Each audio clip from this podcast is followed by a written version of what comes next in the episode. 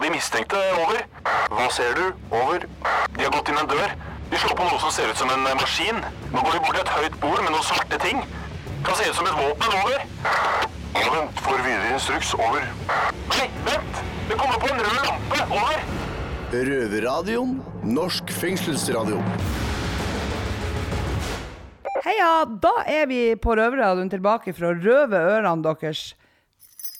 Vet dere hva dette er lyden av? Ja, jeg ser at det er nøkler, ja. Ja, det er jo en lyd som jeg egentlig ikke er så glad i, men vet dere hvorfor jeg gjør sånn? For jeg har fått meg jobb. Seriøst? Yes! Hvor da? På Second Chance. Hva er second chance? Det er et bemanningsbyrå for oss som har, uh, se, hull i CV-en som er større enn en Jarlsbergost, eller flere hull enn en Jarlsbergost. Ok, Hva er det sånn spesifikt du gjør der, egentlig? Jeg selger inn tidligere kriminelle til bedrifter for å hjelpe dem å finne jobb etter soning. Så du hjelper faktisk folk. Men hvorfor lagde du nøkkellyd? Fordi jeg er kjempeglad for det. Hallo! Jeg har fått med to nøkler. En til cella mi, og en til jobben min. Nemlig. Derfor. Så du er egentlig en kriminell helt, du, da?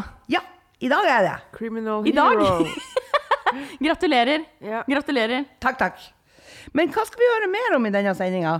Visste du at faktisk 260 mennesker dør hvert år av overdose? Nei, Nei. er det så mye? Ja. det du ser for deg alle på én plass, liksom, hvor søkker hvor mye folk det er. Og det er vanvittig, føler jeg det. Eh, Det er derfor guttene i Oslo fengsel også faktisk skal snakke litt om førstehjelp. Men det er ikke bare det som skjer nede eh, hos eh, gutta boys. Hva da? For de får nemlig besøk av Linn Skåb Skåber. Hun kommer skliende inn på sølvfat til dem, tenker jeg. Ja, hun er kul, da. Yep. Kalte Men- du henne for nettopp for en sklie? Nei, jeg sa hun sklei.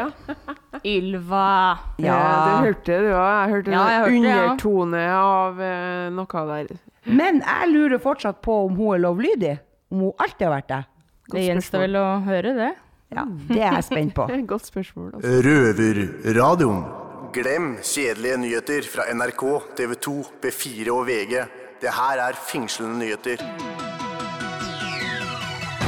Må jeg få lov til å be om en mer profesjonell, eksplosiv holdning til tingene, takk? Det er mye som skjer innenfor fengselsmurene. Jeg heter Heidi, og med meg er jo Helga, og vi skal levere dere ferske fengselsnyheter. Det kan du si. Og nå skal du fortelle oss om eh, det som skjer i Bredtvet kvinnefengsel, som er ganske viktig sak. Det er nemlig at avdeling B2, som er en avdeling med lavere sikkerhetsnivå, blir helt atskilt fra fengselet for øvrig.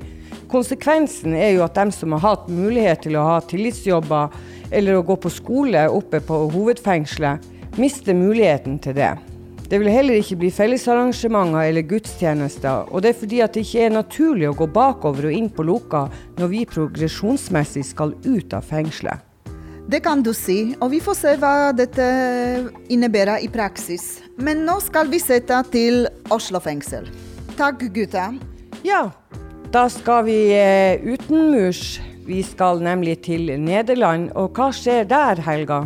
I Nederland har de mer fengselsplasser enn innsatte. Det betyr at myndighetene må se kreativt eh, til denne utfordringen og bruke de fengselsplassene. Eh, Som de gjorde allerede. De lånte noen eh, soningsplasser til Norge, bl.a. Men fortsatt er det mangel på innsatte, så de eh, leier ut til eh, restauranter, skoler, eh, spa og ikke minst hoteller. Kunne du tenkt deg neste gang du skal til Nederland overnatte der? Nei, jeg vil si at jeg er ferdig med soning. Ja, det kan jeg forstå. Men vi skal holde oss til utlendinger, bare at vi skal ha dem i et norsk fengsel, nemlig Kongsvinger, der fengselsleder Gaute Enger eh, sier at de jobber aktivt imot radikalisering. De har 140 innsatte fra 60 ulike land. Og eh, i motsetning til resten av norsk eh, kriminalomsorg, så skal ikke disse fangene ut i det norske samfunnet etter endt soning. Disse innsatte har ikke permisjoner, sjelden og aldri besøk da familien ikke har økonomi til å reise til Norge. Dermed så mister disse fangene tilknytning til det nettverket og familien, og derfor så blir de ekstra sterke i troa og går over til å bli radikale. Sånn at fengselet prøver nå å ta noen grep, og også samarbeide med politiet, for at de har sett en økende tendens. Det var alt vi hadde fra fengslenes nyheter.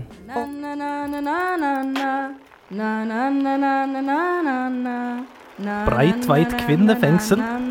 Like viktig som smør på skiva. Og nå skal vi over til gutta i Oslo fengsel. Ja, for de sitter nemlig klare med en komiker som er kåra til Norges morsomste kvinne. Tenk det, da. Det er kult. Ja, det er veldig kult. Røverradioen. Blond, morsom og nå bak lås og slå. I dag har Noah og jeg Preben med oss Norges råeste dame innen showbiz. Velkommen, Linn Skåber. Tusen takk. Før vi begynner med dette intervjuet, så må jeg bare få en ting ut av verden. Det går noen rykter om at du nemlig har klina med Munch-tyven Pål Enger. Stemmer det? Nei, gjør det ikke, men jeg kjenner han. Okay. Jeg kjenner han ganske godt. Eh, ja, eh, nei, det har jeg ikke, altså. Men eh, i flere perioder av livet mitt så har jeg vært borti Pål Enger, ja. Mm. Okay. Vi er fra samme sted, vet du. Han er fra Haugerud, og jeg er fra Oppsal. Mm. Jeg, jeg kunne nevnt et par andre jeg har klina med, men det vil du ikke. Tilbake til spørsmål én, hvor jeg spurte om, om du hadde klina med Pål lenger da. Ja. Så er jo det fordi det er faren min. Så Er det faren din? Det er faren min. Så jeg måtte spørre om det. Men, men da kan jeg få si litt til mer om Pål, da? Ja. Eh, ka- kanskje du er sønnen min? Nei. Det hadde fint radioøyeblikk. Verden er ikke så stor, så det er fullt mulig.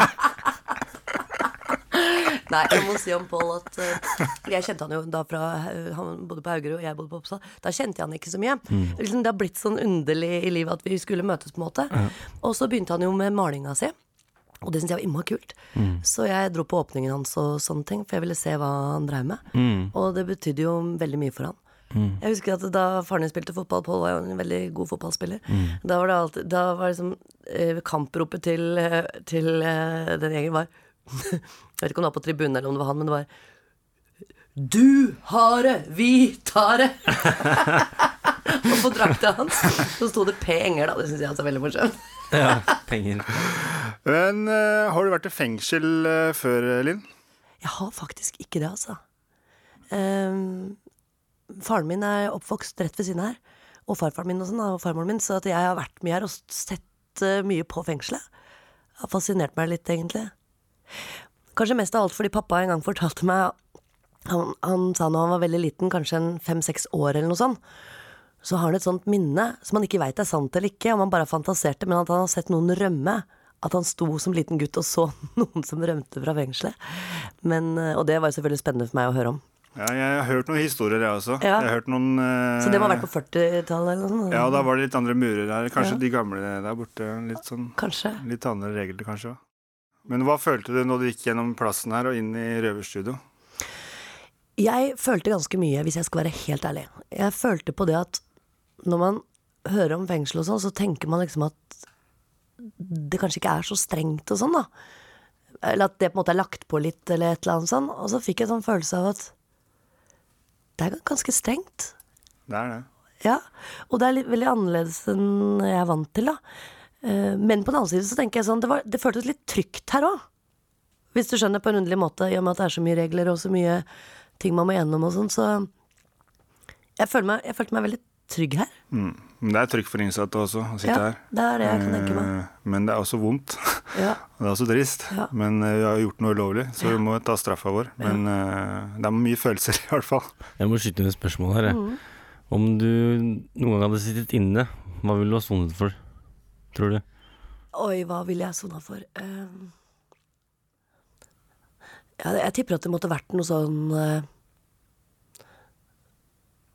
Ja, sånn, hva heter det, sånn uh, raseri du ikke kanskje kan ha kontroll på idet ting har skjedd, eller i frykt at du har gjort noe, eller gått inn blant noen, kanskje, og gjort noe gærent, hvis du skjønner? Sånn, hvis, hvis noe skjer. Medskyldig i ja, noe ja, medskyldig i noe sånn, vold, kanskje? Ja. kanskje.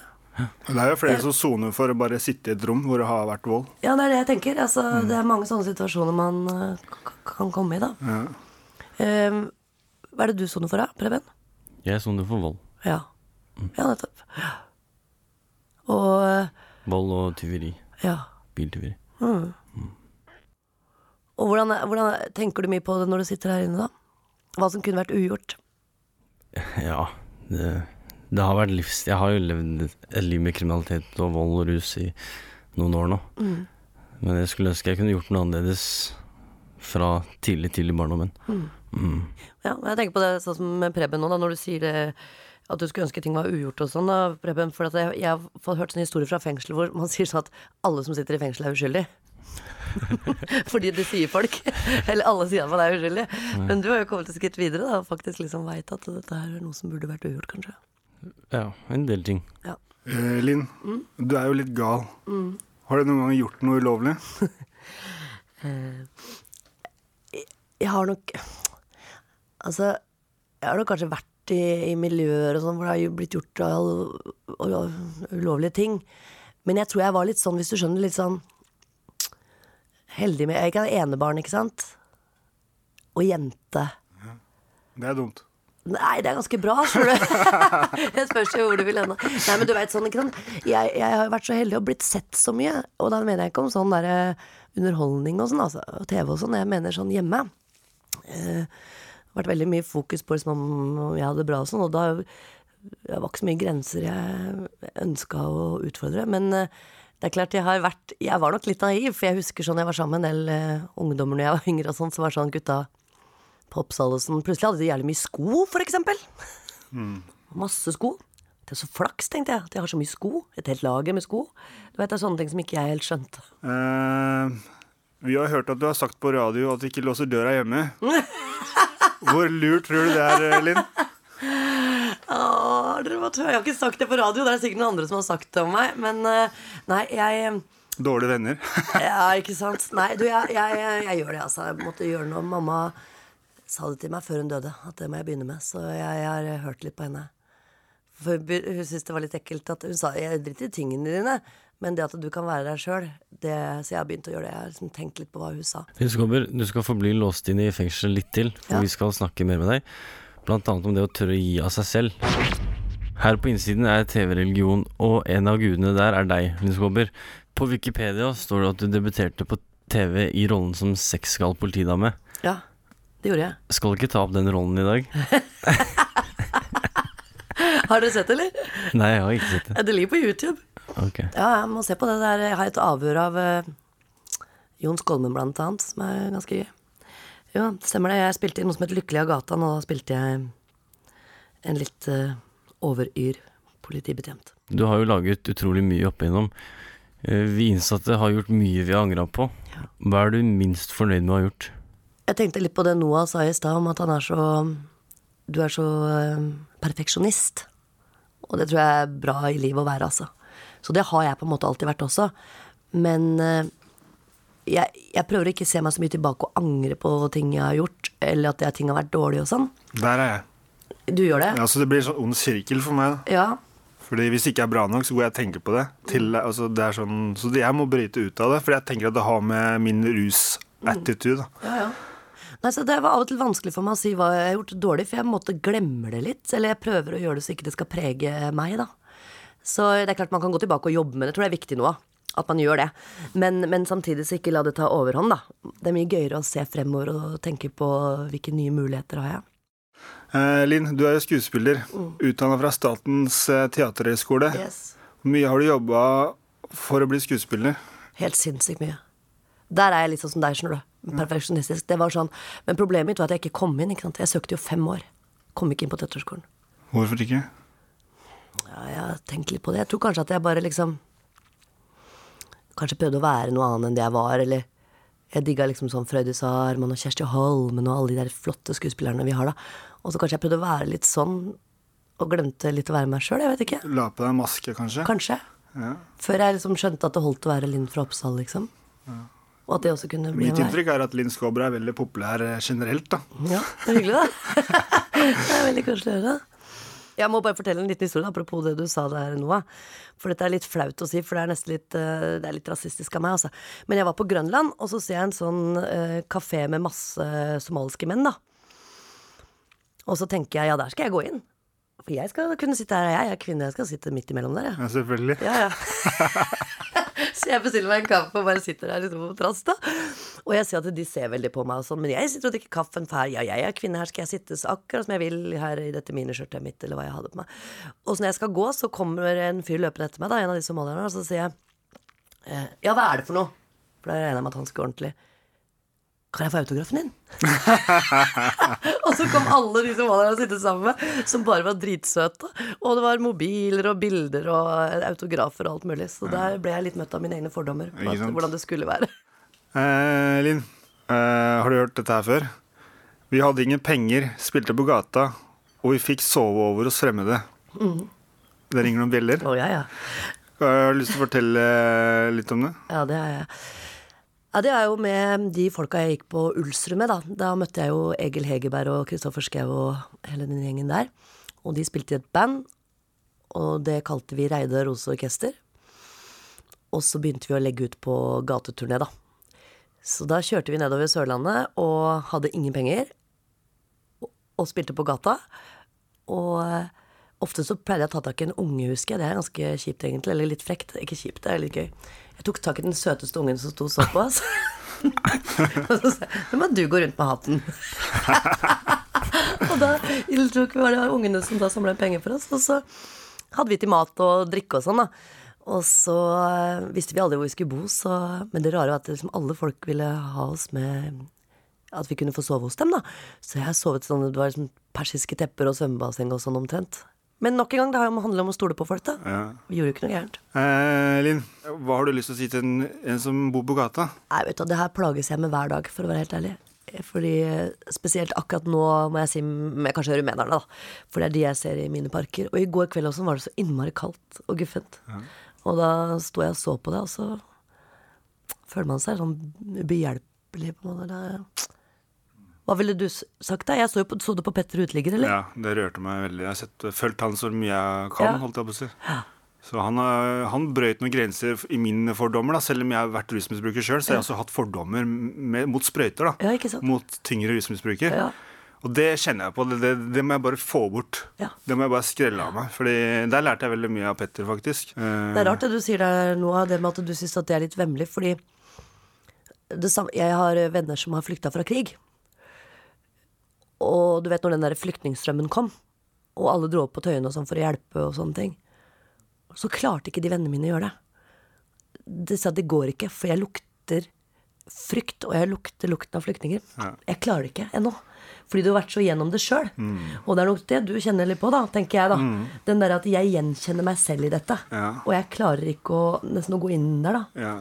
For det kan jo være en fallgruve også, men eh, ja, jeg er, jeg er helt eh, Det, det er en vemmelighet, fordi ja. du vet at det kunne vært meg. Ja. Men det er klart, etter hvert når du da kommer over den, så er jo du antakeligvis den som kan gjøre mest for sånne folk. Men vi må ha en liten musikalsk pause, Elin. Ja. Må vi det, egentlig? Vi må det. Dagens gjest og Anne-Kat. Hærland har tre ting til felles. Begge er blonde, begge har vært med i Nytt på Nytt, og nå har begge vært i fengsel. Linn Skåber, hvordan syns du det går så langt? Har du skrevet introen sjøl? Var morsom. Du ler forferdelig mye, Linn. Er du så glad som du virker, eller er det litt mørke i deg også? Nei, det er, det er nesten, vil jeg si, kanskje 60-40 med pluss på mørke. Og det er jo jeg innmari glad i, da. Eh, Fordi det er jo grunnen til at jeg kan lage de tingene jeg gjør, og ta livet på alvor, på en måte. Så jeg er veldig glad for det mørket som jeg har, og som jeg bruker mye. Kan du utdype det mørket litt? Jeg syns det vi snakker om bare nå, dreier seg om i mørket. Selv om vi snakker lett om det. Ja. Og så er det Ja. viktig å snakke litt lett om mørket òg, fordi vi har det alle i oss. Linn, du har jobba med mye av norske kjendiser. Mm. Hvem tror du hadde gjort seg best som kriminell? Å gud, hvem kan det være? Jeg tror kanskje eh, Best, ja. Da tror jeg kanskje jeg ville plukka ut sånn type Kanskje Egil Hegerberg. For han er så Han var så innmari smart, og han tenker så annerledes tanker. Og han hadde blitt litt sånn Egon i Olsenbanden, tror jeg. Han hadde funnet opp ting og sånn. Hvem var det du sa det var? Egil Hegerberg. Oh, ja. Han med skjegget. Oh, ja. Du er kjent for å by på deg selv, Linn. Og for de av oss som syns det er vanskelig å drite oss ut, har du noen råd? Det er jo dere som har dritt dere maks ut, da. Ja, selvfølgelig. Er det er, jo, jo, det er jeg enig i. Jeg er helt enig i det. Nei, Jeg tror at hvis man ikke ser på seg selv og, er litt selvhøytidelig, så tror jeg eh, livet blir morsommere av å kunne le av seg sjøl. Det går mot slutten nå. Er du lei nå? Jeg er ikke lei. Nei. Straks skal du få lov til å slippe ut, men først, til sist, har du noe du har lyst til å spørre oss om? Ja, jeg har lyst til å spørre dere om noe. Jeg kunne sitte her i to timer og spurt dere. Eh, Jeg kan jo for eksempel helt konkret spørre deg hvor lenge du skal være her.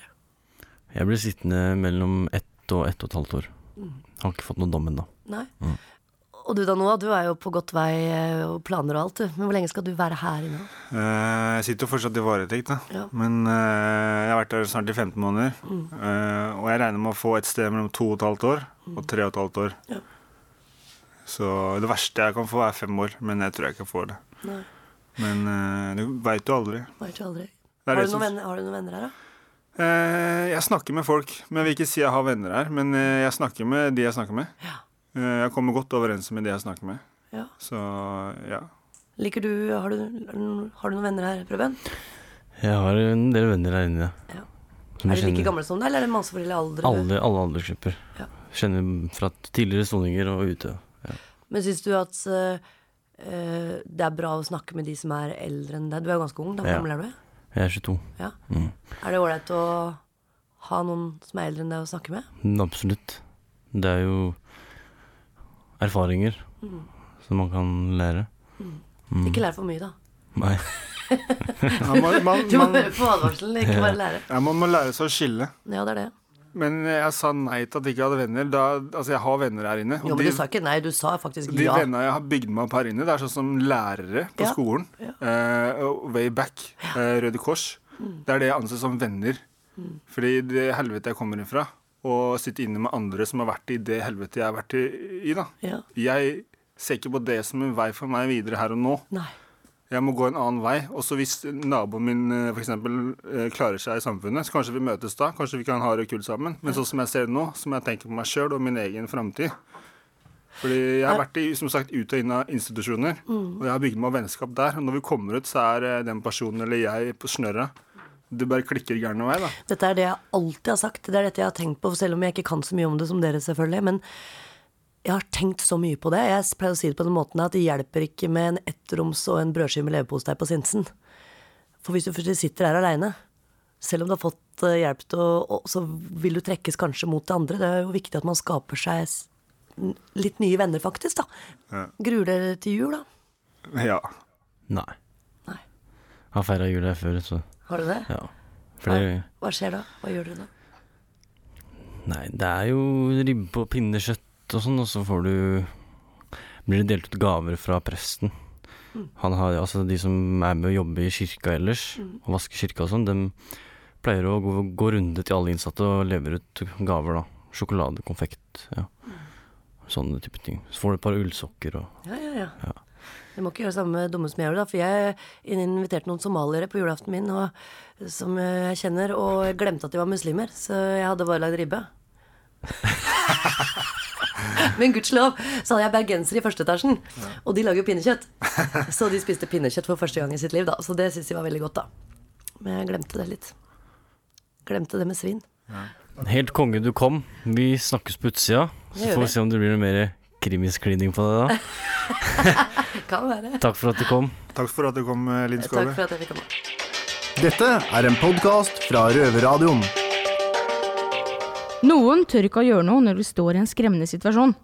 Vår røver Espen, han er ikke en av dem. Det er så sant. Mer om det her skal du få fra Oslo fengsel. Det banker på døra, og du får beskjed om å forte deg inn i leiligheten ved siden av deg. Du kommer inn og finner kompisen din liggende på gulvet, blå i ansiktet. Han puster ikke lenger. Hei, jeg heter Espen, og jeg står her sammen med Noah. Nå skal vi snakke om førstehjelp og hva du skal gjøre om du opplever at noen har tatt overdose i nærheten av deg. Espen, før vi begynner. Altså, du har vært i miljøet over 20 år. Har du Ja. opplevd noe sånt sjøl? Det har jeg, ass. Eh, Den starten her er egentlig tatt rett ut fra en ekte hendelse. Kan du fortelle litt mer eh, hva som skjedde der? Det det begynte med, var at det banka på døra mi, og naboen min eh, kom og henta meg og sa at eh, hei, kompisen din ligger på stuegulvet mitt, han er helt blå i trynet. Eh, jeg styrte jo inn, og så Men- finner han liggende på gulvet da. Så jeg bare kan spørre om en ting. Hadde han tatt uh, overdose på sprøyter, eller? Uh, ja. Mm. ja. Og hva skjedde videre? Nei, vi ringte til, til legevakta. Og der var det en dame som ja, hva skal man si, ja, klarte å roe oss ned litt, eller i hvert fall fikk en sånn kontroll på situasjonen, hvis man kan kalle det det. Man er jo litt sånn der shaky og what the fuck, hva skal jeg gjøre? Jeg har masse førstehjelpskurs bak meg, liksom, men når du står, i, står overfor en sånn situasjon, da, så klarer du ikke helt å tenke klart. Så, så hun guida oss på en måte gjennom uh, hele settinga. Og det var en annen dame i miljøet, for å si det sånn? Nei, Nei, det var hun på telefonen. Å ja, det var ja, telefonen, ja. ja. Ringte jo til ambulansen. Ja. Så hun uh, guida oss gjennom det med at vi skulle først uh, altså, sjekke om han hadde frie luftveier, om han pusta og alt sånt. Men han var helt blå i trynet, så da klarte han ikke pusta. Um, hvorpå vi får beskjed om å ta hjerte- og munn-til-munn-metoden. Altså da snakker vi 30 hjertekompresjoner og to pust. Hvis det ikke skjer noe da, så er det liksom kjøre på nytt igjen. 30, to pust. Så holdt jeg på helt til uh, de fra legevakta kom og fikk gitt han motgift, da. Så han liksom bare lå der helt til dem kom, eller? Han var kald helt til de kom. Ja. Så hva skjedde når de kom, da? Nei, da kom ambulansen, og så tok over, uh, håper å si hele stedet og ga han uh, først én sånn motgiftsprøyte. Uh, ja, det var ikke noen reaksjon da. Men så fikk han en til, og da begynte han sånn forsiktig å få tilbake uh, fargen i ansiktet igjen. Og ja, kom til seg sjøl igjen, våkna, våkna igjen, da. Ja, altså, hva gjør man sånn, eller hva følte du, altså, hvis du kan fortelle litt mer om altså, rundt akkurat den følelsen? Akkurat da så tenkte jeg ikke, alt ble liksom bare gjort sånn Du tenker jo ikke i det hele tatt. Men reaksjonen min etterpå var at jeg ble dritforbanna. Hvorfor det? Fordi at han i det hele tatt hadde tatt en overdose. Det er, det er kanskje feil, feil måte å reagere på, da, men du blir jo redd i en sånn situasjon. Og, og følelsene kommer jo etterpå. Min, min følelse var jo det at jeg ble forbanna. Ja. Det er jo en reaksjon. Det, ja, altså, det er jo normalt. Alle kan reagere forskjellig. Ja, hadde han så... dødd foran meg, det hadde jo vært dritskipt. Det er noe du må leve med resten av livet. Ja. Men eh, Så han overlevde, eller? Til syvende og slutt? Han overlevde. Det er litt lykkelig historie på hele den der. da. Sist jeg snakket med han, så var han rusfri og hadde akkurat fått sin første unge. Mm. Det er veldig godt å høre. Mm. Vi oppfordrer alle eh, til å ta førstehjelpskurs for eh, det er veldig viktig å redde liv. Og oppåtil oppå det igjen så dør det jo 260 personer i året av overdose i Norge. Eh, hva tenker du om det, Espen? Nei, altså jeg er helt enig i deg. at eh, Jeg anbefaler alle til å ta, ta et sånn førstehjelpskurs, for man vet aldri når man står oppe i en sånn situasjon. Da er du i hvert fall litt mer forberedt. Og så oppfordrer jeg alle til å ikke være egoistisk og tenke det at uh, Det skjer ikke meg? Det skjer ikke meg, eller jeg tør ikke å ringe ambulansen fordi det ligger en død kar i stua mi. Man trenger jo ikke å bruke sprøyter heller for at du skal få en overdose. Det er jo mange måter å ta en overdose på. Det, det er jo. Dette er en podkast fra Røverradioen. Nytt statsbudsjett vil gi mindre pengesekk. Og det er ikke bare fengslene som blir ramma av det her, men det er også faktisk de frivillige organisasjonene i hele kriminalomsorgen som få gjennomgå? Eh, da gir vi rett og slett lufta til eh, daglig leder i Røverradioen, Knut Erik Vold. Mm. Regjeringen foreslår uh, kutt i frivillighetsmidlene i kriminalomsorgen. Mitt navn er Knut Erik Vold. Jeg er daglig leder i Røverradioen. Og med meg her så har jeg fra Retretten, har, da har jeg Rita Nilsen. Også fra Wayback så har jeg jo med Johan Lote fra for Foreningen for fangers pårørende så har jeg Hanne Hamsun. Og så har jeg på linje så har jeg uh, Guro Eriksrud fra Røde Kors-nettverket etter soning. Og først av alt, ti millioner er foreslått kutta. Nå vet jeg jo det at Retretten og Wayback er blitt lova på en måte redning. Um, men hvordan vil kutt påvirke deres, deres organisasjon? skal starte med deg, Rita. Det vi ser nå, vi, som du sa innledningsvis, at vi var redda. Vi har jo fått den samme millionen nå i tre år. Mens eh, prisene stiger rundt oss, og så går vi egentlig litt ned for eh, Den rene frivillighetspotten som KDI bestemmer over, den får vi ikke noe mer penger fra. Den har vi fått fra tidligere. Johan? Ja, For oss så vil det få katastrofale følger. Vi var i sjokk eh, da vi så at eh, 52,5 eh, kutt. Eh, det kan føre til at vi må si opp folk i Oslo. Mm. Og det betyr også at avdelingskontorene våre i Kristiansand, Trondheim, Bergen og Tromsø eventuelt måtte stenge. Vi er avhengig av forutsigbarhet, så dette har gitt oss en støkk. Hanne? Ja, for organisasjonen For fangers pårørende så foreslås et kutt på over 40 i driftsstøtten. Og det er selvfølgelig veldig dramatisk for oss. Eh, Og det ville først og fremst gå utover de som bruker oss, nemlig pårørende til innsatte. Og de har ofte ingen andre steder å henvende seg. Og så vil det også si at vi i mindre grad kan eh, gjøre det viktige samarbeidet vi gjør med kriminalomsorgen, eh, nemlig å synliggjøre pårørende overfor fengsler og andre deler av kriminalomsorgen. Uh, og det er et utrolig viktig arbeid som også gir resultater, uh, som vi syns er veldig beklagelig hvis vi må trappe ned. Mm. Og Guro, Røde Kors? Ja, det betyr jo at vi må bruke enda mer tid enn det vi allerede gjør på å skaffe finansiering for å kunne opprettholde arbeidet vårt. Og, og det går jo igjen da hardt utover den tiden eh, og ressursene vi har til disposisjon i forhold til eh, målgruppa vår. Er det noe denne målgruppa ikke trenger, så er det så mye usikkerhet. Ja, for det har jo blitt stadig vanskeligere å sitte i fengsel fordi tilbudene forsvinner, og man er mer innelåst. Uh, Og det budsjettet her, det gjør jo vondt verre, rett og slett. Både på innholdet og på tilbakeføringsarbeid. Og fengslene sjøl har jo ikke råd til å på en måte hoppe inn med en innsats for å bedre tilbudet for de innsatte. Så et tenkt tilfelle, hvordan vil kriminalomsorgen se ut uten oss i frivillig sektor? Her må man se på forskjell på det offentliges oppgaver og hva den, hver enkelt frivillig organisasjon gjør.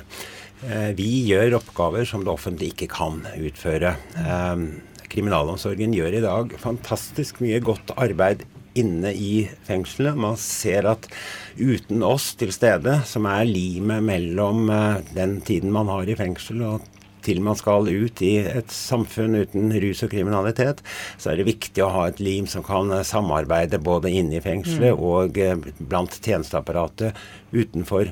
Og det går også på tvers av de forskjellige departementene som vi har i Norge. Det er Helse- og omsorgsdepartementet, det er Arbeid og velferd, eh, og det er justissektoren og mange andre. Jeg kan også nevne dette med barn og, og pårørendearbeid.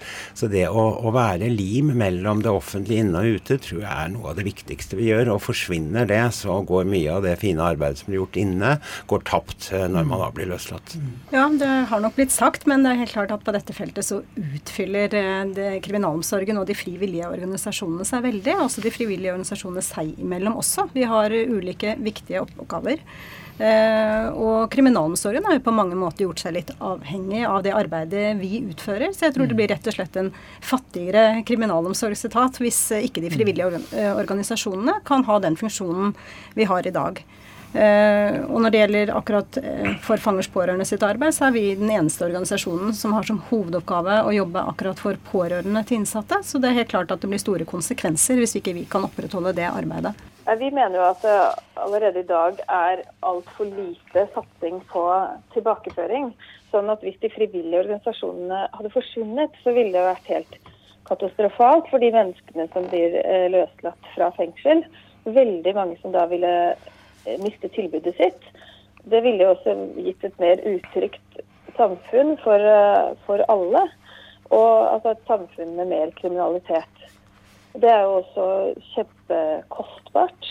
Eh, I tillegg så trekker jo våre brukere frem veldig tydelig betydningen av kontakt med frivillige. Altså det er ekte, vanlige mennesker som bryr seg uten å få betalt for dem.